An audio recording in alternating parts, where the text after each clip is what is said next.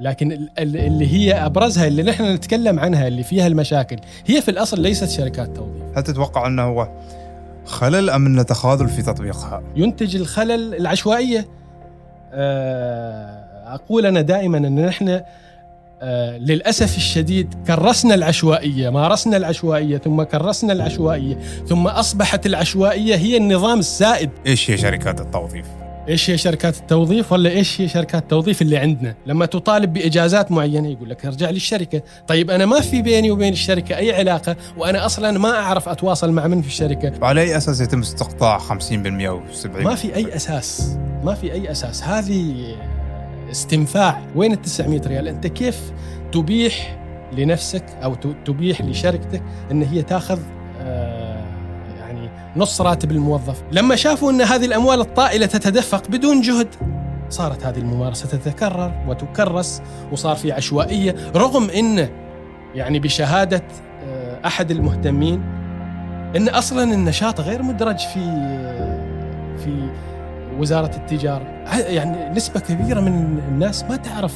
ولما عرفت حقيقة الممارسة سموها الإتجار بالبشر. الحل متوفر لكن لا يتم الحل. اذا هنا المشكلة في أشخاص المش- المشكلة في مسؤولين هل هناك لوبي مسيطر على هذه الشركات؟ لابد يعني أن نحن يعني نتيقظ وننتبه. نحن لابد أن ندخل هذه الاستثمارات إلى سوق العمل بشكل سريع. وما عندك طريقه الآن غير الإحلال. هل الخير جاي ولا ما جاي؟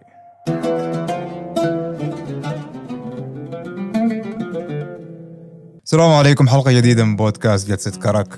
آه وهذه حلقة مع شخص كان معنا قبل أكثر من عام من الآن.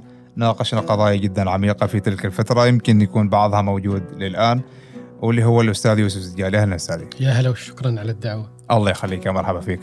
آه طبعا الأستاذ يوسف أحد الناشطين في مجال اللي هو آه قضية أو ملف التوظيف آه الباحثين عن عمل. قبل أن نبدأ نحب ننوه أن رابط الاستماع للحلقة بيكون موجود تحت في صندوق الوصف وأيضا إيميل التواصل معنا. آه الحلقة بصيغتها السمعية أو الصوتية موجودة في كل المنصات الصوتية بإمكانكم إنكم تستمعوا لها. أستاذ يوسف يعني الحلقة تحديدا بتكون عن شركات التوظيف. نعم. كونها هي هذه القضية اللي آه، اكتشفنا أنها جالسة تظلمنا بطريقة أو أخرى لسنوات طويلة. نعم. فبس قبل أن نبدأ نحن في الحلقة الماضية اللي هي قبل تقريبا في مارس 2020 نعم. قبل أن تتغير العالم. أك- أكثر أكثر من سنة و- وشهرين تقريبا. أيوه بالضبط بالضبط بالضبط. فتكلمنا عن آه، شه- الشهادات الوهمية عن آه، واقع المسرحين. كانت في بداياتها المسرحين نعم. قضية المسرحين. فالسؤال الأول اللي ممكن نفتتح في هذا اللقاء اللي هو من شقين إيش صار؟ على ملف الشهادات الوهمية. خلينا في الشهادات الوهمية. وأنا أيوة. أعتقد إن الأكبر تغيير صار في على في ملف الشهادات الوهمية هو مستوى الوعي اللي ارتفع عند الناس وعند المؤسسات أيضا. اولا بأهمية يعني تمحيص الدرجات العلمية ثانيا بأهمية يعني إعطاء الدراسة الجامعية جدية كبيرة يعني لابد أن آه، الدول آه، التي يعني تسعى إلى تنمية مستدامة. ينبغي أن هي آه، تأخذ مع موضوع التعليم آه، يعني بصورة جادة جدا. التعليم أمر استراتيجي ومهم جدا في مسيرة أي تنمية. لذلك آه، أنا أرى أن آه، حدث بالفعل آه، تغيير كبير على مستوى الت- التوعية لدى الناس العامة بهذه ال- ال- القضايا. أيضا ال- ال- المؤسسات. طبعا المؤسسات اولا إذا تحدثنا عن وزارة التعليم العالي. وزارة التعليم العالي أنا أعتقد إن ما كانت تحتاج إن هي يعني تغير في هذا الجانب لأن هي كانت قائمة بد- بد- بدورها في مسألة يعني متابعة معادلة الشهادات بالدرجات العلمية الواردة في لائحة آه، ال- الاعتراف والدرجات العلمية والمعادلة. لذلك المشكلة أنا أعتقد كانت في آه، القطاع الخاص. أنا أعتقد أنني ذكرت سابقا أن المشكلة الكبرى في القطاع الخاص. آه، على مستوى التغيير لحد الآن أنا أعتقد آه، هنالك تغيير أساسي لم يتم اللي هو آه، أن ال- ال- الجهة المشرفة على القطاع الخاص ينبغي أن تلزم كل المؤسسات والشركات بضرورة معادلة وليس مصادقة، معادلة جميع الدرجات العلمية للوظائف التي تحتاج إلى شهادة جامعية من قبل الوافدين لأن هذا الأمر لا زال يعني لا يتم بهذه الطريقة. فأعتقد هذا التغيير ربما يكون في المشهد القادم لأن هنالك تغييرات كثيرة جدا يعني على مستوى القطاع الخاص تغييرات إيجابية جدا أعتقد أن هذا ربما يكون من ضمن التغييرات القادمة في في هذا المستوى. جميل جدا. آه، الشق الثاني اللي هو قضية المسرحين، إحنا لما تكلمنا كانت بوادرها نعم، بدايتها، نعم. لكن الآن نعم. أصبحت قضية وطن. نعم. آه التغيير على مستوى يعني إدارة هذا الملف يعني تغير طبعا بشكل تام. أو اولا القضية كانت حينها لما كنا نتحدث عنها لم تكن يعني آه، من ضمن الملفات المهمة اللي ينبغي إن هي يعني تناقش تناقش أو تدار بشكل جيد لأن يعني دخلنا كانت هذيك الفترة في بداية الجائحة أيوه بالضبط بالضبط في, بالضبط. في بداية الجائحة و يعني عند كل جائحة أو عند كل أزمة يعني هذه المشاكل تحدث تكون متوقعة مثل فقدان الوظائف مثل الخسارة في العمل مثل أحيانا إفلاس بعض الشركات لذلك آه، رغم أن هذه القضية ليست آه، يعني جديدة يعني مسألة التسريح حتى في ضوء آه، عدم توفر هذه الأزمات كانت الشركات تسرح يعني العمانيين للأسف الشديد. وأيضا مناقشة هذا الموضوع كان من 2014 هذا الكلام موضوع نظام التأمين آه، ضد التعطل في 2014 آه، تم مناقشته ومحاورته لكن لم يت... ما في أي جديد فيه. أيضا في موضوع قانون العمل الجديد من 2014 أيضا كان والمفترض إنه هو يصدر ويحل هذه المشاكل لأن الشركات أغلبها تستند على قانون العمل القديم في تسريح العمانيين. لذلك يعني ينبغي إن القانون العمل الجديد يرمم هذه الثغرات القانونية ليكون هناك يعني أمان قانوني للوظيفة بالنسبة للعمانيين على مستوى القطاع الخاص. لذلك آه، التغيير أهم تغيير حدث حاليا هو نظام التعطل عن العمل اللي هو نحن موجود معنا باسم آه، نظام الأمان الوظيفي اللي صدر مؤخرا لكن آه، أعتقد أن نحن يعني نحتاج إلى المزيد من العمل يعني في موضوع الأمان الوظيفي لأن إذا أعطينا رقم للمسرحين المسرحين أكثر من 15 ألف. الآن آه، الأمان الوظيفي يغطي ما لا يزيد عن 6000 وحاجة. اذا يعني. هنالك أكثر من 10000 لا يتمتعون بالأمان الوظيفي. هذا هو مفهوم الأمان. الأمان هو آه، أن توفر ما يحمي الموظف من مخاطر التعطل. وإيش هي مخاطر التعطل؟ مخاطر التعطل إن آه، اولا يقطع مصدر رزقك انت عليك ديون للمصارف ديون شركات التمويل هذه كلها مخاطر تؤدي بك أحيانا إلى السجن لذلك إذا لم نقم بحماية كل الموظفين الذين يعني آه تم يعني آه حرمانهم من وظائفهم بطريقة أو بأخرى وتوسيع آه يعني توسيع رقعة يعني غطاء آه هذا المفهوم الأمان الوظيفي على كل هؤلاء. هنا أعتقد نصل إلى يعني نقطة الأمان في هذا الموضوع. أيضا آه جلالة السلطان تفضل فمدد موضوع آه يعني الحصول على المنفعة من ستة أشهر إلى 12 شهر، أعتقد إن هذا يعني توجه كان جدا مهم لأن سوق العمل في حال من المعالجة الآن. سوق يعني الآن نحن في في صدد توفير الفرص، في صدد إعمال وتنفيذ سياسات الإحلال والتأمين، لذلك هذه تحتاج بعض الوقت.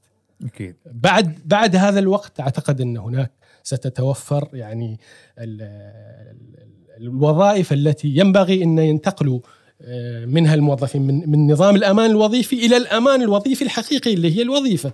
طبعا طبعا طبعا. فهذا أنا أعتقد أن هي أهم تغيير والتغيير الآخر أيضا آه، تعامل المؤسسة الرسمية اللي هي وزارة العمل مع هذا الملف الآن كملف مهم ووطني للغاية من ضمن ملفات العمل. طبعا هذه المعلومات من خلال يعني قناة التواصل يعني مع هذه المؤسسة يعني نرى بالفعل انه يشكل هاجس كبير. ربما يكون تحدي كبير جدا وعالي لكن أعتقد يعني يعني يستحق أن نحن نولي فعلا هذا الملف لأن اولا فيه آلاف الفرص لأن هذا المسرح عن العمل عبارة عن طاقة طاقة بشرية ينبغي أن يعني تكون في مكان وظيفي.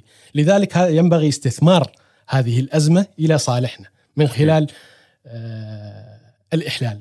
يعني مسألة الإحلال يعني كل الحلول داخل هذا هذا يعني هذا المفهوم. أعتقد الإحلال يعني آه، يحتاج إن يعني أحيانا أنا أقول ربما نحتاج إلى قانون خاص يعني يتعلق بالإحلال والتأمين. يحمي الوظيفة أو الفرصة الوظيفية من تعدي أن يتعدى عليها غير العماني لأن هذا حق باعتبار أن القاعدة قاعدة جلب الأجانب اللي موجودة أصلا في قانون العمل القديم مادة 18 آه، ان أن يعني اولا يسعى اولا في توظيف المواطنين يسعى صاحب العمل أن يوظف العمانيين على أوسع نطاق. هذه القاعدة الاولى، القاعدة الثانية في جلب الأجانب أن طالما توفر العماني الذي يستطيع شغر هذه الوظيفة لا يمكن لصاحب العمل أن يجلب أجنبي وإحنا صار معنا خلل في هذه القواعد لذلك صارت معنا هذه المشاكل. هل تتوقع أنه هو خلل أم انه تخاذل في تطبيقها؟ آه يعني ترى هو هذا وش اللي يعني ينتج الخلل؟ ينتج الخلل العشوائية. آه أقول أنا دائما أن نحن للأسف الشديد كرسنا العشوائية، مارسنا العشوائية ثم كرسنا العشوائية، ثم أصبحت العشوائية هي النظام السائد. يعني بحيث إن حتى الناس لا يستغربوا من العشوائية، يعتقدوا إنه هو هذا العمل الطبيعي. يستغربوا من الشيء المنضبط. منها منها خرجت يعني يعني أمور عشوائية أخرى وفوضى على مستوى شركات التوظيف اللي راح نتكلم عنها. آه، كل هذا لما يكون النظام يعني فوضوي وعشوائي وما يستند فعلا على القانون وما يستند على عمل جاد وعمل صحيح دائما تنتج هذه العشوائيات في العمل زين هذا بشكل جدا مختصر عن نعم. قضية المسرحين وعن قضية اللي هو الشهادات آه، الوهمية كوننا نحن غطيناها نعم. سابقا والآن هي لا زالت مستمرة لكن في تحديثات. نعم. المحور هذه الحلقة الأساسي اللي هو عن شركات التوظيف. آه، اولا آه، بنبدأ بسؤال عام اللي هو إيش هي شركات التوظيف؟ إيش هي شركات التوظيف ولا إيش هي شركات التوظيف اللي عندنا؟ اللي عندنا لأن شركات التوظيف أو recruitment agency اللي هي وكالات التوظيف اللي معروفة تعمل وفق يعني ضوابط معينة تحفظ الحقوق اولا آه ثانيا آه تضمن يعني وقوع العدالة آه وتكافؤ الفرص بين الموظفين في المؤسسة الواحدة. آه شركات التوظيف اللي معنا ليس كلها طبعا لكن اللي هي أبرزها اللي نحن نتكلم عنها اللي فيها المشاكل هي في الأصل ليست شركات توظيف. كيف ممكن تكون هي شركة التوظيف؟ شركة توظيف شركة التوظيف اللي المفروض إن هي تمحص اولا وتجلب أمهر يعني أمهر الموارد البشرية أو أو العمالة الوطنية سواء كانت أو غير الوطنية وهي لا تفعل ابدا أي شيء أي شيء. يعني شركات توظيف ما تسوي شيء. إيش تسوي بالضبط؟ توقع العقد بس. يعني الموظف لا يعرف من شركة التوظيف إلا موعد توقيع العقد. يوقع العقد خلاص. وخلاص انتهت. ما في ابدا علاقة وظيفية بين الموظف وشركة التوظيف. هذه هي المشكلة. العلاقة المهنية كلها مع الجهة المستفيدة. الجهة الحكومية سواء كانت جهة حكومية أو شركة حكومية أو ايا كانت. هناك العلاقة الوظيفية. لكن في المقابل ترى أن هذه العلاقة الوظيفية يعني يتم الإخلال بها عمدا لأن آه لما تطالب في في في الجهة هذه بحق معين مثل آه إكمال الدراسة يقول لك أنت ما تابع لنا أنت تابع للشركة. لما تطالب بإجازات معينة يقول لك ارجع للشركة، طيب أنا ما في بيني وبين الشركة أي علاقة وأنا أصلا ما أعرف أتواصل مع من في الشركة، وحتى توقيع العقد يتم الكترونيا بإيميل يتم إرسال يعني حتى الورقة اللي قيمتها 50 بيسة اللي قلنا سابقا إن التكلفة 50 بيسة غير واقعة لأن كثير من هذه الشركات يتم تجديد العقد الكترونيا عن طريق إيميل. الموظف حتى ما يعرف من اللي راسل له الإيميل. من هو هذا الشخص؟ وعلى أي أساس يتم استقطاع 50% و 70% ما في أي أساس. ما في أي أساس. هذه استنفاع. استنفاع لا أكثر ولا أقل. يعني يعني ويش لا يمكن تفسير أن الجهة الحكومية تدفع مثلا لشركة التوظيف 1900 ريال في حين الموظف يستلم 1000 ريال. وين ال 900 ريال؟ أنت كيف تبيح لنفسك أو تبيح لشركتك إن هي تاخذ آه، يعني نص راتب الموظف وين التكلفة؟ أنت يعني هذه التكلفة العالية جدا على, على ويش؟ المفروض أولا أنت مستلم قيمة العقد خلاص نهائيا ما لك علاقة في الراتب ممكن من خلال عقد معين بينك وبين هذا الموظف إنه هو إن الموظف يدفع لك بعض الرسوم باعتبار انك إن شركة التوظيف تبحث عن الوظيفة وتوفر له الوظيفة وكذا ممكن ياخذ بعض الرسوم. ما نص الراتب. آه، رغم إن شركات التوظيف ما تبحث عن الوظيفة، الوظيفة يعني دائما هي التي تأتي إلى شركات التوظيف. لذلك أنا أقول شركات التوظيف التي عليها استفهامات كثيرة هي ليست شركات توظيف. هي ليست متخصصة أصلا في في التوظيف ولا تعمل وفق نظام محدد. يعني ينظم العلاقة بينها وبين الموظف هذا ينظم العلاقة بينها وبين الجهة المستفيدة. ما في ابدا ما في أساسيات ما في انطباق قانوني لموضوع آه، يعني آه، موظف ومؤسسة. ما في نهائيا. يتم من خلال هذه الممارسة فقط التعدي على حقوق المواطنين. وهذه حقيقة. يعني أنت لما الموظف يعمل في آه، جهة حكومية أو شركة حكومية أكمل عشر سنوات في الوظيفة وأنت تجدد له سنويا في حين إنه هو ما يعرف من أنت أصلا وفي المقابل لا لا تعطيه آه، يعني فرص تدريبية، فرص تدريبية ما يحصل عليها. بينما نفس الشخص نفس الشخص مثلا لو أتينا على المحاضرين، المحاضر الذي يتعاقد مع الكلية بشكل مباشر آه ياخذ حقوق آه تدريبية فرص تدريبية عنده حقوق إكمال الدراسة العليا عنده إجازات مختلفة عن هذا الموظف بينما هذا إذا تقدم ب زميله في نفس المكان. زميله في نفس المكان وفي نفس الدرجة الوظيفية وزميله يستلم ضعف الراتب وياخذ كل الحقوق وهو محروم يعني حتى يعني لا فرصة وظيفية لا فرصة تدريبية عفوا. لا حق باستكمال دراسة. دراسة. يعني بعض الموظفين وهناك نموذج لمحاضرة حصلت على منحة. منحة من الحكومة يعني لإكمال درجة أعتقد الماجستير. راحت إلى الشركة تريد اللي هي رسالة عدم ممانعة. آه، كان الرد إذا تريدي تكملي دراستك استقيلي قدمي استقالتك. وين وين الحقوق الوظيفية؟ يعني اللي هي المفروض انه يكون فيها تكافؤ مع كل الموظفين اللي هم في نفس الدرجة. كم متى بدت هذه الظاهرة ظاهرة شركات التوظيف؟ هل من 20 سنة 30 سنة ولا هي ظاهرة جديدة؟ يعني أنا ما أعرف بس أنا يعني أقدم ممارسة آه، وما قدرت إن أنا أتأكد منها بشكل دقيق. أقدم ممارسة كانت لحالة آه، في 2007. هذه كانت أقدم ممارسة وأعتقد إن كانت في هذيك الفترة آه، يعني ظهرت على السطح وربما ظهرت باعتبار إن هي آه، مجال حقيقي يعني داخل سوق العمل اللي هي شركات التوظيف. لكن للأسف الشديد بسبب العشوائية وعدم المراقبة وعدم وجود يعني اللي هي لائحة تنظيمية تنظم عمل هذا النوع من النشاط. من هذا النشاط يعني صارت في عشوائية.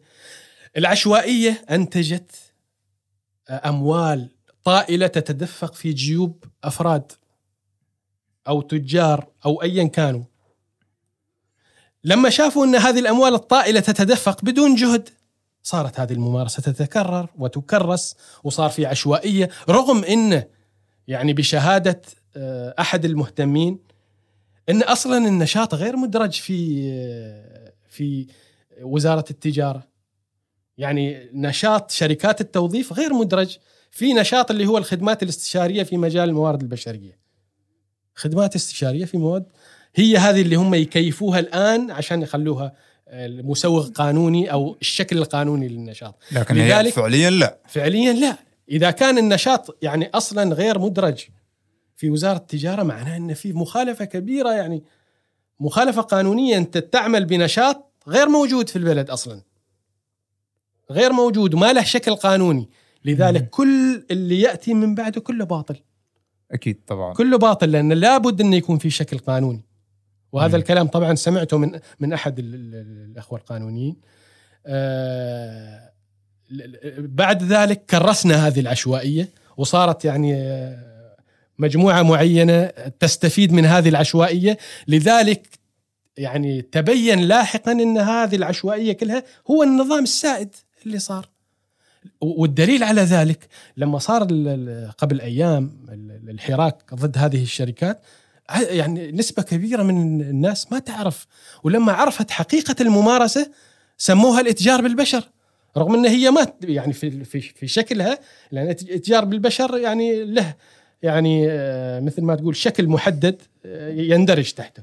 لكن هو في النهاية إتجار بالوظائف. بتعبه بوقت. أيوة. سمسرة يعني على على وظيفة الموظف. أنت تأخذ أموال طائلة مقابل عمل موظف. أنت ما عملت شيء. غير أنك أنت تأخذ لذلك هذه العشوائية تكرست وصارت العشوائية هي النظام السائد للأسف الشديد. إلا مؤخرا لما لما انتبهنا وصار هذا الحراك بدأت يعني بوادر التغيير وبدأت فعلا يعني الدولة تنتبه إن هذه مشكلة كبيرة وممارسة تحتاج إلى وقفة جادة يعني سواء في تنظيم شركات التوظيف أو أيضا التحقيق فيما جرى في سنوات طويلة. يعني هذه الشركات استفادت من رواتب الموظفين أخذت يعني ملايين من من رواتب آه، موظفين أحيانا يكونوا بسطاء بعض ال ال ال الشركات في قطاع النفط والغاز يصل الاستقطاع إلى 70% يا رجل. يا يعني المهندس يأتي آه، من البعثة الدراسية آه، استثمرت فيه الدولة الأموال الطائلة على أساس انه هذا استثمار. يعني المفروض إنه هو يخدم. يأتي مثلا إلى العمل في شركة وانت تعرف خصوصا قطاع البترول الوظيفة مهندس بترول وظيفة غالية ما وظيفة يعني عادية. دائما رواتب مهندسين البترول عالية. جدا. لكن تستغرب إن مثلا مهندس يستلم 700 ريال. في حين إن المفروض إن تكلفة الوظيفة ما تقل عن 2500 مثل ما هو يشوف إن زميله في نفس الوظيفة يعمل في نفس الشركة يستلم هذا الراتب واحيانا أكثر.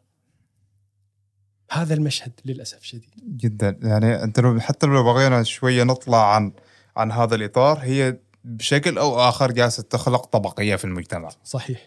يعني طبقية ممكن طبقية وظيفية. طبقية وظيفية حتى لكن الراتب اللي تاخذه ممكن حتى طبقية مادية ومجتمعيه نعم. لأن الألف ريال يفرق. طبعا. يفرق. طبعا. حتى في الوظائف البسيطة يعني في إحدى الشركات الحكومية الشركة الحكومية تدفع مثلا 600 آه، وحاجة في وظيفة بسيطة.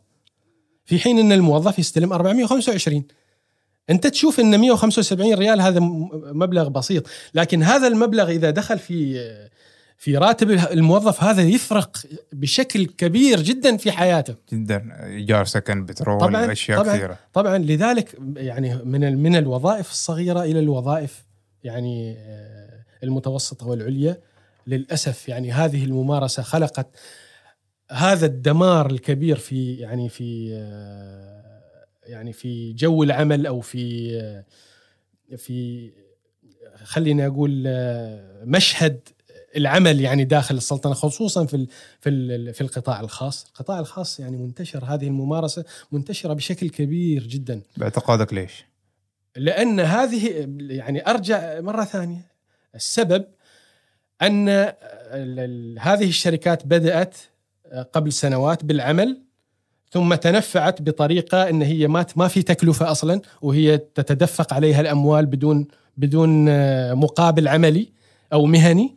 إيميل بس فتح لك إيميل أيوة. ولابتوب وخلاص. انتهى الموضوع. وشافوا إن هذه الممارسة خلاص ماشية ما في حد يعني ما في حد فعلا يتحرك بشكل جاد لإيقاف هذه الشركات. لذلك تكررت وتكرست وراحت للقطاع الخاص القطاع الخاص في بعض شركات التوظيف أحيانا بعض شركات التوظيف توفر وظائف لعمانيين وغير عمانيين برواتب عادلة جدا. لكن هذه شركات قليلة جدا. كم تقريبا عدد الشركات الموجودة؟ يعني آه، في شركات في contractor في sub contractor في شركات التوظيف شركات التوظيف. اللي هي نحن okay sub contractor ذيلا بنقول إن الشركات ممكن عادلة نوعا ما أو لا هي هي تاخذ نفسها نحن ما بعيدا عن يعني الكلمة أو المفهوم آه الشركات التوظيف العادلة يعني ما مدرجة ضمن مفهوم معين لكن موجودة وبقلة جدا قليلة جدا. لكن في شركات توظيف اللي هي آه المستنفعة. المستنفعة بشكل كبير جدا. يعني تقريبا هي ست شركات توظيف بعضها حتى يعمل من خارج السلطنه يا رجل. أيوه بعضها يعمل من خارج السلطنة للأسف. موضوع مؤلم. موضوع مؤلم للأسف يعني. إنك تتعب هنا وتشتغل هنا و... أكثر موضوع مؤلم أنا دائما آخذ آه، محاضرين كليات التقنيه نموذج لأن فعلا هم نموذج مكتمل الأركان لهذا الملف. هذيل المحاضرين موضوعهم من 2013 يتم تداوله من مكتب إلى مكتب ومن جهة إلى جهة. ويتم تأميلهم بين فترة وفترة يتم تأميلهم تم تأميلهم يمكن أربع أو خمس مرات في خلال هذه ولم يتم حل ليش؟ طيب الدولة تدفع يعني تدفع أموال طائلة في حين أن المحاضر يرضى أنه هو يعني يعني يجلس على وظيفة بتعاقد مباشر وبراتب يعني نوعا ما أقل من زميله بس يحصل على كل حقوقه يعني الآن الشركة تعطيه ألف والجهة الحكومية تعطي للشركة 1900 إذا أنت أعطيته 1500 أنت ما وفرت الآن؟ بشهادة جهة رقابية وبشهادة الدراسات التي قامت بها آه، مجلس قام بها مجلس الشورى أن الدولة يمكن من هذا الملف أن توفر ما لا ما لا يقل عن بين 26 إلى 35 مليون سنويا, سنويا. لذلك يعني علامات الاستفهام دائما يعني تحوم عند ملف الحل متوفر لكن لا يتم الحل. اذا هنا المشكلة في أشخاص المشكلة في مسؤولين. متنفذين. نعم. وأعتقد أن المشهد راح يكون يعني أفضل في في الأيام القادمة. في الأيام القادمة جدا أفضل. يعني مؤخرا أنت عملت تغريدات نعم وفي تستبشر فيها نوعا ما. لا لأن أنا أقول لك ليش أستبشر. أنت تستبشر لما ترى خطوات عملية. أنا ما ما أريد الجهة الحكومية تقول لنا سوف نعمل ونحن تابعنا وبيصير خير. هذا ما ينفع. لازم يكون في خطوات عملية. وأنا شفت بالفعل في خطوات عملية يعني لحل هذا الملف. في جدية لحل هذا الملف. وفي إشراك أيضا. إشراك لل سواء النشطاء سواء المواطنين. إشراك لأن الجهة الحكومية في كل مكان المعلومات دائما ناقصة. أنت تحتاج إنك أنت تصل إلى المعلومات الحقيقيه أحيانا حتى الجهة أنا بعطيك مثال. أنا كنت غردت في وسم محاضري الكليات التقنية من سنتين. وطرحت هذه الأرقام اللي شافوا الناس فعلا إنها هي حقيقية. واللي أصحاب التجارب أيضا غردوا عنها وقالوا بالفعل يا ناس أنا راتبي كذا والشركة تعطيني كذا سبق إن مثلا وزارة القوى العاملة سابقا آه، أصدرت بيان وقالت إن هذا غير صحيح كيف غير صحيح؟ يعني بصراحة إن هذه الأرقام غير صحيحة وغير دقيقة، كيف غير دقيقة؟ رغم إن أنا في هذيك الفترة كنت أملك عقود عقود رسمية موجودة أنا كنت أقدر أحاجج لكن هنا تلمس عدم الجدية في حل المشكلة. لكن لما الجهة الحكومية تصدق يعني الحقائق المبنية على أدلة، حقائق مبنية على تجارب حقيقية وتقوم بخطوات عملية للتعرف على المشكلة، يعني الجهة الحكومية قاعدة تبني خارطة طريق للحل. أما التأميل والتكذيب هذا ما ما يحل. النشطاء دائما هم مساندين للجهة الحكومية. الجهة الحكومية تستفيد من النشطاء دائما، لذلك ينبغي من الجهة الحكومية ومن الدولة أن تحمي النشطاء. هؤلاء النشطاء هم يعني اللي اللي يطلع في في ضوء هذا الكم الهائل من تدافع المعلومات، نحن الآن في عالم مفتوح، ما ممكن إنك أنت تحجب شيء، ممكن إنك أنت تتأكد من أي شيء في لحظة. ممكن إنك أنت تحصل على المعلومات من خلال هؤلاء النشطاء، لذلك ينبغي إن الجهة الرسمية إن ما تكون يعني حاجز رد لهؤلاء النشطاء لأنهم يعملون لصالح يعني الجهة، هم ليسوا خصوم نهائيا. أكيد أكيد أكيد. هم يطمحوا إلى الصالح العام والجهة الحكومية تطمح إلى الصالح العام، اذا نحن في طريق واحد. تحميهم من أي ناحية؟ يعني لا تكون أقصد حاجز رد ولا تعتقد إنهم خصوم لا ويعني وتبني فكرة أن النشطاء مصدر مهم جدا للحصول على المعلومات وللوصول إلى مشكلات أو لحلول لمشكلات يعني موجودة سواء في قطاع العمل بشكل عام أو قطاع الخاص القطاع الخاص. أنت تعرف آه، القطاع الخاص نحن للأسف غير منظم يعاني من الكثير من المشكلات. لذلك يعني فريق العمل في وزارة العمل يعاني من تحديات كبيرة جدا. يعني أنا أتفهم أن هناك تحديات هائلة جدا. الموضوع مش سهل يعني تركة ثقيلة للغاية. لذلك لا بد أن هم يستعينوا يستعينوا بالموظفين اللي موجودين في الميدان يستعينوا بالنشطاء اللي أحيانا يحصلوا على معلومات هم ما يحصلوا عليها بالطريقة العادية. يجب أن يستعينوا بجهات ضبطيه جهات أمنية فيما يتعلق بالتفتيش على نسب التأمين، التفتيش على آه، التزام هذه الشركات والمؤسسات بسياسات آه، الدولة في في قطاع العمل، وأيضا التزامها ب آه، يعني بقانون العمل، لابد أن يكون هناك يعني قوى قوة أمنية مساندة لوزارة العمل في هذا الموضوع، لأن لا يمكن موضوع انه هو يتابع ويراقب من قبل موظفين عاديين. لذلك المرحلة جدا جدا صعبة على الجميع وأعتقد إن يحتاج تحتاج هذه التحديات إن نحن نفهم إن كل واحد يستفيد من الآخر في حل المشكلة الوطنية. ونؤمن إن نحن فعلا في في مشكلة وطنية إن ما في ما في أحد يعني يعمل ضد ضد حد. أكيد نحن يعني آه، نعمل من أجل عمان. نكمل مثل بعض. آه مثل ما الجهات الحكومية تعمل من أجل عمان. مثل ما هي أخذت التوجيهات السامية من السلطان عزه الله أن أن المرحلة مهمة المرحلة تحتاج إلى جدية تحتاج إلى عمل آه، صارم وأيضا صرامة في موضوع آه، تطبيق السياسات المتعلقة بالتأمين والإحلال، نحن في مرحلة تطبيق سياسات التأمين والإحلال وحماية القطاع الخاص وجعله قطاع جاذب جدا للشباب، ما في مجال الآن. القطاع الخاص كنز كنز كبير من الوظائف. أنت تقدر تحل آه، الكث يعني كل الباحثين عن عمل في هذا القطاع الكبير. لأن نحن نعاني فقط من الاستثناءات نعاني من يعني تعدي المؤسسات الكبيرة في القطاع الخاص على سياسات الدولة وعلى قانون العمل. وأيضا عدم احترامها لمسألة حق المواطن في الوظيفة. وأيضا الإيمان بكفاءة المواطن العماني أثبت كفاءته. إذا كنت ترى يعني بعطيك مثال. في موضوع الإحلال الشركات التي تقول إن العماني ليس كفءا طيب أنت تجيب عماني متخصص مثلا في مجال تقنية المعلومات. أنت عندك موظف وافد وعندك آه، عماني باحث عن عمل في نفس المجال. جيب هذا العماني وخليه يجلس مع الوافد لمدة ست شهور. خبر الوافد انه يعني لا تم أنت ما عندك خيار. أنت بعد ست شهور خلاص تغادر البلد. إذا تمكنت انك انت تمكن هذا المواطن من الوظيفة بشكل جيد انت تحصل على مكافأة من الدولة قبل ما تغادر. إذا ما مكنته راح تغادر. هو بس ما بتحصل مكافأة.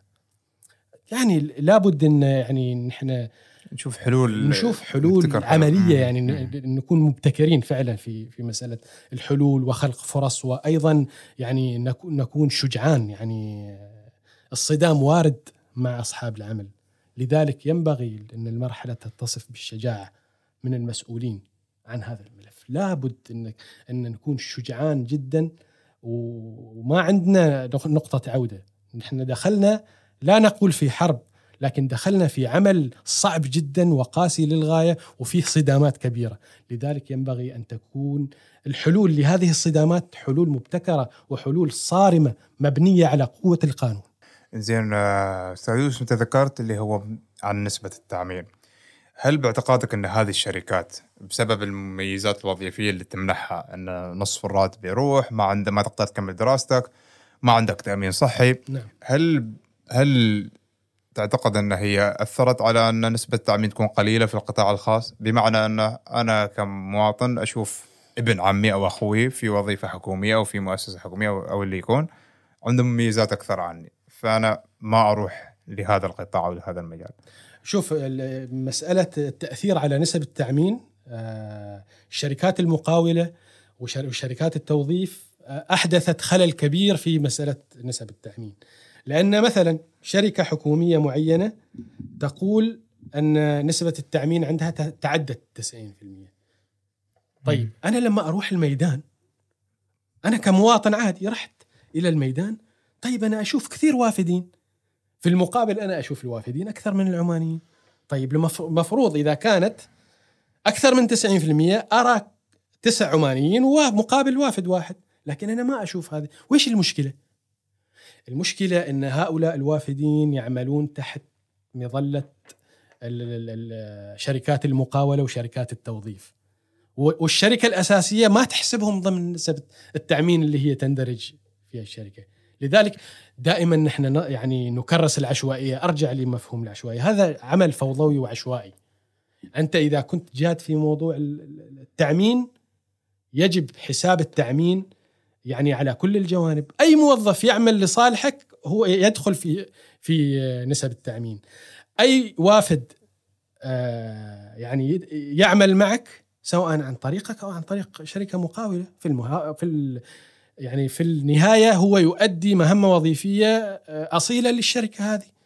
اذا يجب حساب نسب التأمين على هذا الأساس لكي نكشف الحقيقة، ليس للمحاسبة عشان نحل المشكلة. طبعا لأن المشكلة سببها أشخاص.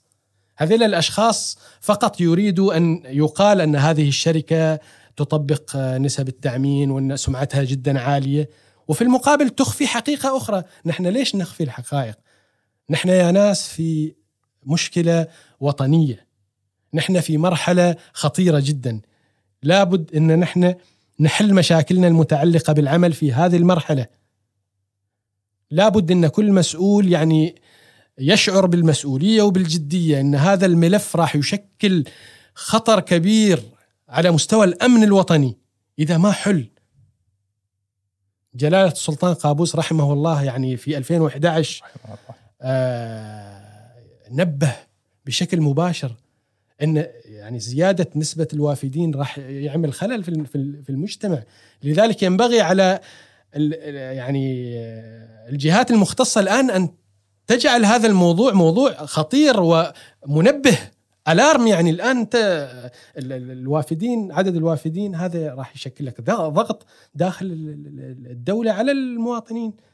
في في الظروف الاجتماعية، الظروف الأمنية، كل هذه الأشياء. لذلك ينبغي كان من هذيك الفترة انه يكون في جدية أكبر في في تقليص يعني الساعة السكانية المتعلقة بأعداد الأجانب الوافدين. هي المسألة أحيانا يقول البعض أنت تنشر الكراهية. أنا لا أنشر, أنشر الكراهية. الوافد زميلي وصديقي أنا عندنا أصدقاء وافدين عندنا زملاء عندنا جيران. نتعامل بكل يعني احترام وإنسانية. طبعا. ما له علاقة لكن هذا ملف وطني يعني. خلاص حان الوقت. حان الوقت أن نحن نطبق أن عمان للعمانيين وبالعمانيين. دائما أي أي دولة يعني تنهض بنهضة معينة تحتاج إلى الأجانب لحد درجة معينة. بعدين خلاص شكرا جزيلا. شكرا جزيلا لأن أبناء البلد قادرين إنهم يديروا القطاعات بأنفسهم. هذه هي المعادلة بكل بساطة لكن تعرف في سؤال أيضا يتردد بخصوص هذا الموضوع أنه ليش جالسين تلوموا أو نحن نلوم الوافدين في الوقت اللي هو أحد المواطنين من المتنفذين هو سبب هذه المشكلة. أنا أتفق معك معك تماما. المشكلة لم يسببها الوافد، الوافد ما له ذنب. جاي يشتغل. يعني أنت اللي جلبته. أيوه. انت اللي جلبته آه، وبعدين مكنت وافد آخر واعطيته القوة إنه هو يجلب آخرين. لكن في في البداية من اللي مكن؟ مواطن. من اللي مكن لهذا النظام العشوائي؟ مكنها مواطن. سواء كان مسؤول أو ايا كان لذلك نح... لما يكون النظام عشوائي آه بال... يعني سهل جدا اختراقه أنت يعني عملت نظام عشوائي ومكنت الوافد إنه هو خلاص يعني يجيب حتى آه، وافدين آخرين. خلاص أنت لازم تتحمل أو تحل المشكلة من جذورها. حل المشكلة من جذورها من النظام. يعني التمسك بالمبادئ. مبادئ التأمين فيما يتعلق بتوظيف المواطنين وفيما يتعلق بجلب الأجانب. يعني هذه المبادئ آه، ينبغي أن تحمى بقوة القانون وهي محمية لكن للأسف الشديد تم التعدي عليها آه، التعدي على على القانون دائما يخلق الفوضى ويخلق العشوائية وأعيد مرة أخرى آه، أصبح أصبحت الفوضى هي النظام في مرحلة زمنية طويلة للأسف. وما تمكنا إن نحن يعني نقضي على هذا النظام العشوائي. لأنه ما كان في جدية مثل ما خبرتك ما كان في جدية. ما كان في إرادة سياسية. ما كان في يعني صرامة. ما كان في قانون صارم أيضا. يعني يحمي هذا الملف يحمي ملف التأمين ويحمي حق المواطن في الحصول على الفرصة الوظيفية قبل الأجنبي. مع أنك تكلمت عن القانون وأن القانون يجب أن يحترم وأن هذا الحل لهذه المعضلة يجب أن يكون بقوة القانون. نعم. لأن مثل ما نحن نعرف أن القانون فوق الجميع. نعم. إلا إذا حد من المتنفذين يعرف يلتوي عليه هذا عاد شيء ثاني. نعم. آه برأيك إيش هو التنظيم القانوني المناسب لحل مشكلة شركات التوظيف؟ اولا إيقاف الممارسة الحالية. ايقافها اولا الإيقاف. إيقاف الشركة شركات التوظيف الحالية العقود اللي تنتهي خلاص هذه الممارسة تذهب بلا عودة. بالنسبة لشركات التوظيف اللي هي آه، يعني تعمل الممارسة اللي نحن تحدثنا عنها اللي هي إن هي ليست أصلا شركات توظيف. هي ما تسوي شيء. هي ما تسوي شيء إلا إن هي تأخذ جزء من راتب الموظف. هذه الممارسة الخطيرة جدا اجتماعيا واقتصاديا وامنيا ونفسيا أيضا على الموظف يعني خطيرة جدا يجب أن تتوقف. ثانيا يجب آه، إصدار لائحة آه، تنظيمية لهذا النشاط نشاط آه، شركات التوظيف شركات التوظيف أو يعني سوق التوظيف. يعني هو سوق موجود. يجب أن الشركة تكون جاذبة للموظف. آه، أنا مريح جدا بالنسبة لي أن أنا أعطي معلوماتي لشركة الشركة تبحث لي عن الوظيفة وتسوي كل شيء عني وتتصل فيني وتعمل معي المقابل وتقول لي هذه هذه الوظيفة مقابل رسوم معقولة. الشركات هذه تستفيد. لكن تستفيد بشكل معقول. ما مقابل نصر ها ما مقابل يعني السمسرة على يعني مصدر عيش هذا المواطن أو السمسرة على راتب الموظف. لذلك أعتقد أن اللائحة التنظيمية ينبغي أن هي تنظم نشاط شركات التوظيف بشكل يجعلها جاذبة جدا لطالبين الوظائف. هذه هي شركات التوظيف الحقيقية، نحن عندنا شركات توظيف في يعني تندرج تحت الشركات الصغيرة والمتوسطة. يجب على الدولة أن هي تدعمها. هي تشتغل بشكل صحيح. يجب أن نحن ندعم هذه الشركات. لو كانت صغيرة تكبر. لأن هي الشركات التوظيف الجاذبة فعلا. فعلا للوظائف. هذه الشركات اللي تؤسس لنشاط يعني صحي يعني مطلوب جدا في سوق العمل وفي نفس الوقت صحي ما تخلي سرطان في يعني سوق العمل انت صنعت سرطان دخل في كل مكان في القطاع الخاص فقط للاستنفاع لا أكثر ولا أقل. م. نعم يعني لا يمكن أن تجعل الفرصه الوظيفية مجالا للانتفاع إلا بطريقة قانونية اللي هي قائمة على الرسوم. قائمة على أنك أنت مقابل هذه الخدمة تدفع مبلغ معين معقول. أكيد. أما راتبي حقوقي كل هذه الأشياء اللي يحميها القانون أنت ما لك حق فيها. زين إذا ممكن نختم هذا المحور بسؤال اللي هو هل هناك لوبي مسيطر على هذه الشركات؟ أعتقد إن يعني هذا الانتشار الواسع لهذه الشركات أعتقد نعم. هنالك يعني لوبي نسمينا لوبي يعني آه، فعلا كانوا يسيطرون. حتى حتى الرقم نحن في سوق عمل يعني كبير. ست شركات توظيف. يعني يدعو للتساؤل إن إذا كان هذا النشاط مفتوح معقولة من المواطنين في سلطنة عمان ست أشخاص فقط يبغوا يشتغلوا في هذه؟ طبعا في شركات توظيف أخرى لكن هذه هي اللي اللي مستحوذه على اللي اللي تستحوذ على يعني كلها داخل عمان ولا؟ كلها داخل عمان. لا في شركات يعني تعمل لصالح سوق عم سوق العمل في عمان بس مقراتها خارج خارج عمان. بس من ضمن هذا اللوبي. من ضمنها طبعا. من ضمنها. نحن أيضا مكنا الأجانب إن هم يديروا هذا باعتبار أن جعلناهم مستنفعين بشكل كبير. إذا هو مستنفع وبدون مقابل يع- يعني هو يحب انه يعني يشارك المنفعة. يعني أحيانا سواء كانت آه، بشكل مشروع أو بشكل نعتقد إنه هو مشروع أو هو أقنعنا إنه هو مشروع لكن في لا. الحقيقة هو كله. مخالفات من أول إلى آخر لا يمكن أي ممارسة آه، يعني تتعدى على مقتضى العدالة ومقتضى تكافؤ الفرص ومقتضى التساوي في الحقوق والواجبات الوظيفية أن تكون قانونية نهائيا. إذا كانت ما موجودة في القانون اذا النفس البشرية تعرف إن هذا في اختلال في في العدل. انت انت أنت وموظف زميلك هو يحصل على كل الحقوق والواجبات وأنت تحصل على جزء من الراتب فقط.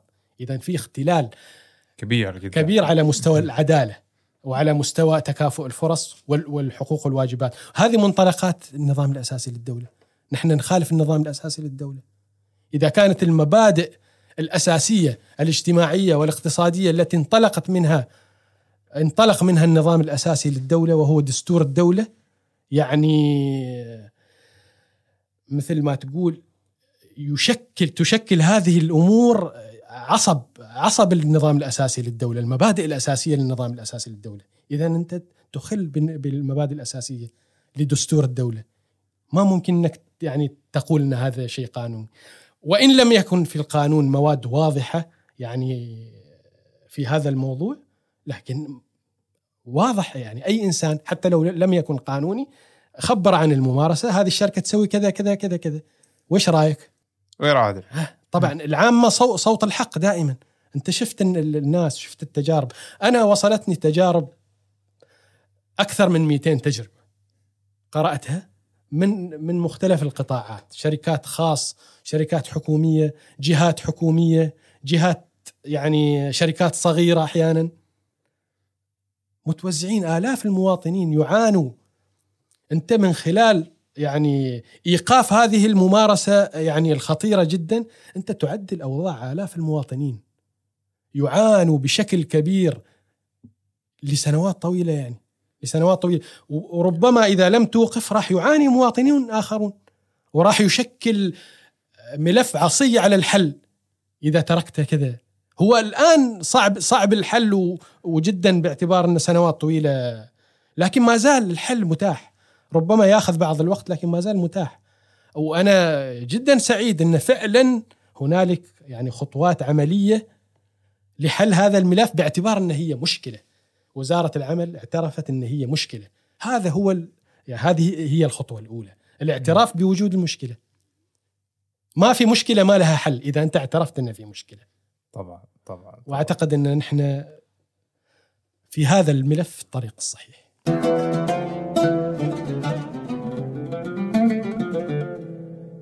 نرجع بعد فاصل قصير. آه، أستاذ يوسف آه، ممكن هذه أسئلة ما لها علاقة بموضوع شركات التوظيف لكن لها علاقة بطريقة أو بأخرى بنهج أو شكل القرارات أو طريقة إصدار القرارات، يعني إحنا الآن نلاحظ هذا الشيء ملاحظ وايد وارد في- مواقع التواصل الاجتماعي انه أي قرار من جهة حكومية أو مؤسسة حكومية الناس تقابله بالرفض. ممكن هذا كان نتيجة تصاريح لم توفق في وقتها وفهمت أو أولت بتآويل أخرى. فهذا خلق نوع من ال- الفجوة بين المواطن والحكومة وكثير من المواطنين ونحن نستشعر الشارع أن الفجوة كل نعم. مالها وتكبر. ونفس ما قلت أنت في في خلال حديثك أن نحن ترى كلنا نشتغل بيد واحدة، ما هدفنا أن نحن جايين تو نزيد الفجوة ولا هذا، هدفنا أن كلنا في نفس الطريق والعمان. نعم فبرأيك إيش هو الحل لسد هذه الفجوة أو على الأقل التقليل منها؟ يعني هي بالفعل آه، للأسف فجوة الثقة زادت بين ال- المواطنين والحكومة. آه، هذه يعني هذه الفجوة أعتقد ما يعني ما بتاخذ وقت قصير. لأن هي مبنية على لمس النتائج. طيب أنت تسوي آه، خطوات عملية أنت تقول إن أنا أسوي خطوات عملية تصرح وتبين إرادتك في التغيير لكن ما في نتائج ملموسة المشكلة إن هذه النتائج تاخذ وقت طويل يعني في بعض الملفات المهمة جدا عشان تلمس نتائج التغييرات ونتائج القرارات العملية والعمل الحقيقي تاخذ وقت لحد ما يعني تطلع نتائج حقيقية. لذلك أعتقد إن الثقة أو ترميم الثقة بين الحكومة والمواطن مبنية على السرعه في الحصول على نتائج ملموسة. آه، السرعة في الحصول على نتائج ملموسة تعتمد على أيضا السرعة في التحرك في كل الملفات المتعلقة بالعمل، الآن نحن نتكلم عن العمل ليس في ملفات أخرى.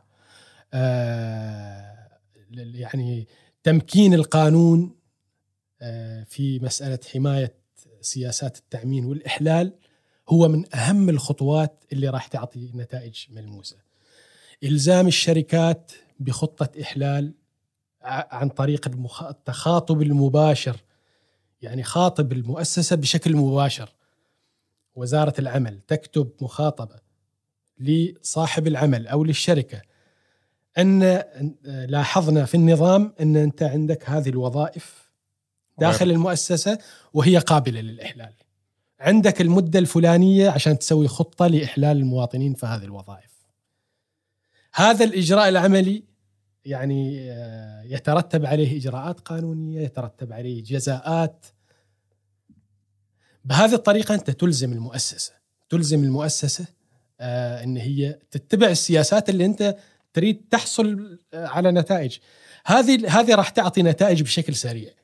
يعني خلال خلال سنة راح يتغير موضوع يعني عدد الباحثين عن عمل أيضا القطاع الخاص راح يكون جاذب أكثر لأنك أنت الآن أول أنت تصدر قرارات لكن ما في إلزام لا بقوة القانون ولا بالجزاءات.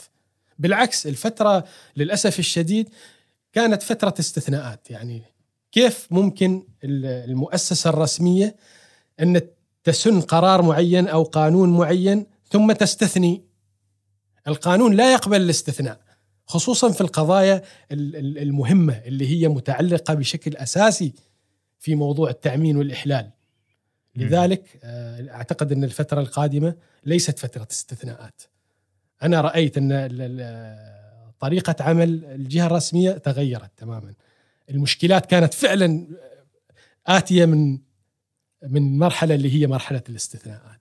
لذلك ينبغي أن نسن القوانين نبتعد عن الاستثناءات نسرع في آه، مواجهة أصحاب العمل لأنها مواجهة لا مناص منها. يعني المرحلة مثل ما خبرتك تتميز إذا كنت تريد تكون ناجح وبما أن أنت عندك آه، أصحاب عمل آه، ما راضين يعني يقتنعوا أن هذا ملف وطني والمفترض أن الجميع يتكاتف اذا لابد أنك أنت تتصادم مع أصحاب العمل بقوة القانون وتلزمهم بتنفيذ سياسات الدولة بشكل سريع. كل هذه الحزم، كل هذه الإجراءات راح تعطي نتائج ملموسة، النتائج الملموسة أبرزها توفر وظائف اولا، اثنين قطاع خاص آه، جاذب. طبعا إلى جانب عمل وزارة الاقتصاد في جلب الاستثمارات. أيضا المرحلة يعني تستدعي جلب استثمارات يعني كبيرة فعلا تقديم تسهيلات تجعل المستثمر يأتي وهني أريد أعلق على موضوع. اللي هو. آه طيب أنت أنت تقول لابد أن نحن نوظف العمانيين ونسوي إحلال. هذا راح يطرد المستثمرين. ما في تسهيل يعني. يعني هذه القاعدة سبحان الله لا تنطبق إلا معنا نحن. يعني الصين تجلب استثمارات من أي دولة ما تجيب معهم موظفين من هذيك الدولة. كلهم صينيين. أيوه ألمانيا بريطانيا تجلب مليارات من الاستثمارات. وبقوة القانون لا يجوز الإعل... يعني إعلان أي وظيفة لأي أجنبي قبل الإعلان عنها للمواطنين. إذا ما توفر وفي خلال مدة معينة بعدين ممكن إنك تروح تلجأ للأجنبي. ما أعتقد إن يعني استثماراتهم غير ناجحة. استثماراتهم ناجحة. المستثمر يريد توطين الوظائف. يعرف إن الوظيفة لما تكون للمواطن هي وظيفة مستقرة المواطن راح ينتج فيها. غير إنك أنت لما تجيب أجنبي الأجن... الوظيفة للأجنبي وظيفة غير مستقرة. أنت ممكن يعني تنهي العقد ممكن تحتاج إلى تغيير الموظف. لكن هنا في في داخل الدولة أنت قادر إنك أنت تدير أو تدور يعني الوظائف اللي متوفرة في استثماراتك في الدولة عن طريق المواطنين لأن سوق العمل يخبرك ملامحه أن أغلب الوظائف والتخصصات موجودة. خريجين جدد موجودين آه، خريجين قدامى موجودين ما يشتغلوا. آه، مسرحين موجودين. مسرحين موجودين ذو خبرة. موظفين موجودين داخل القطاع وعندهم خبرة طويلة ممكن ينتقلوا لاستثماراتك ويفيدوك. فنحن ما نعاني من من إدارة الموارد البشرية. لأن الكادر البشري والقوة البشرية موجودة وبكفاءة. نحن من 2011 نرسل البعثات تتكبد الدولة يعني مصاريف هائلة يعني عشان يدرس الطالب العماني في أفضل الجامعات في الولايات المتحدة وفي بريطانيا وفي كندا وأستراليا وغيره يعني يكون كفاءة علمية عالية الجودة. ويجي بعدين ما يحصل ما يحصل وظيفة. هذا استثمار مهدور. جدا لابد يعني أن نحن يعني نتيقظ وننتبه أن نحن لابد أن ندخل هذه الاستثمارات إلى سوق العمل بشكل سريع وما عندك طريقة الآن غير الإحلال هو اللي ممكن يسد هذه الفجوة اللي كل مالها وتكبر نعم. بين المواطن والحكومة أستاذ يوسف آخر سؤال في هذا اللقاء اللي هو هل الخير جاي ولا ما جاي؟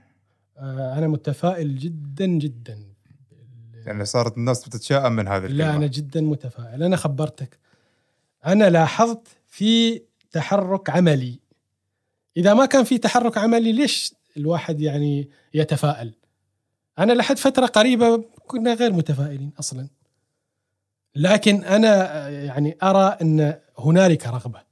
من الجهة الرسمية ومن الحكومة بحل هذا الملف، هنالك رغبة بتبني سياسات الإحلال والتعمين وهنالك اعتراف إن هذا حق للدولة إن هي تمكن هذه السياسات وهنالك اعتراف إن نحن أمام تحدي كبير جدا صنع بواسطتنا نحن. إحنا صنعنا العشوائية لذلك لذلك ينبغي إن نحن نرجع للوراء. آه، نعيد ترميم خططنا. نعرف يعني نستشرف المستقبل. وش نحن عندنا رؤية 2020 40 نحن مستشرفين على أن عمان تكون في مصاف الدول المتقدمة. اذا لابد أن نحن نحل مشاكلنا. وأنا أعتقد أن هنالك رغبة جادة جدا من الحكومة في حل هذه المشاكل.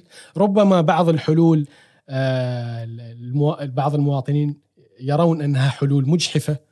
وربما تكون كذلك لكن هي في النهاية مجموعة من الآراء والاجتهادات اللي راح تبلور. يعني خلال سنوات قادمة أعتقد راح تبلور مجموعة من الإجراءات الجيدة اللي يعني تقوم على حل هذه المشاكل خصوصا المشاكل المتعلقة بسوق بسوق العمل. أعتقد إن يعني الفترة القادمة أنا متفائل جدا وأعتقد نعم. صدقت أخيرا مقولة الخير جاي. إن شاء الله إن شاء الله إن شاء الله. شكرا أستاذ يوسف على تلبية الدعوة. وحسابات الأستاذ يوسف بتكون موجودة تحت في صندوق الوصف وأيضا رابط لاستماع الحلقة وحتى بنحط رابط استماع الحلقة الماضية عشان تشوفوا الفارق اللي كنا وين كنا فيه ووين صرنا آه أيضا اللي هو ممكن تشوفوا نهج القضايا وسير القضايا كيف صار آه إيميلنا موجود في صندوق الوصف. وإذا حابين تعملوا تعاون معنا نحن حاضرين. like share subscribe. نشوفكم إن شاء الله على خير. مع السلامة.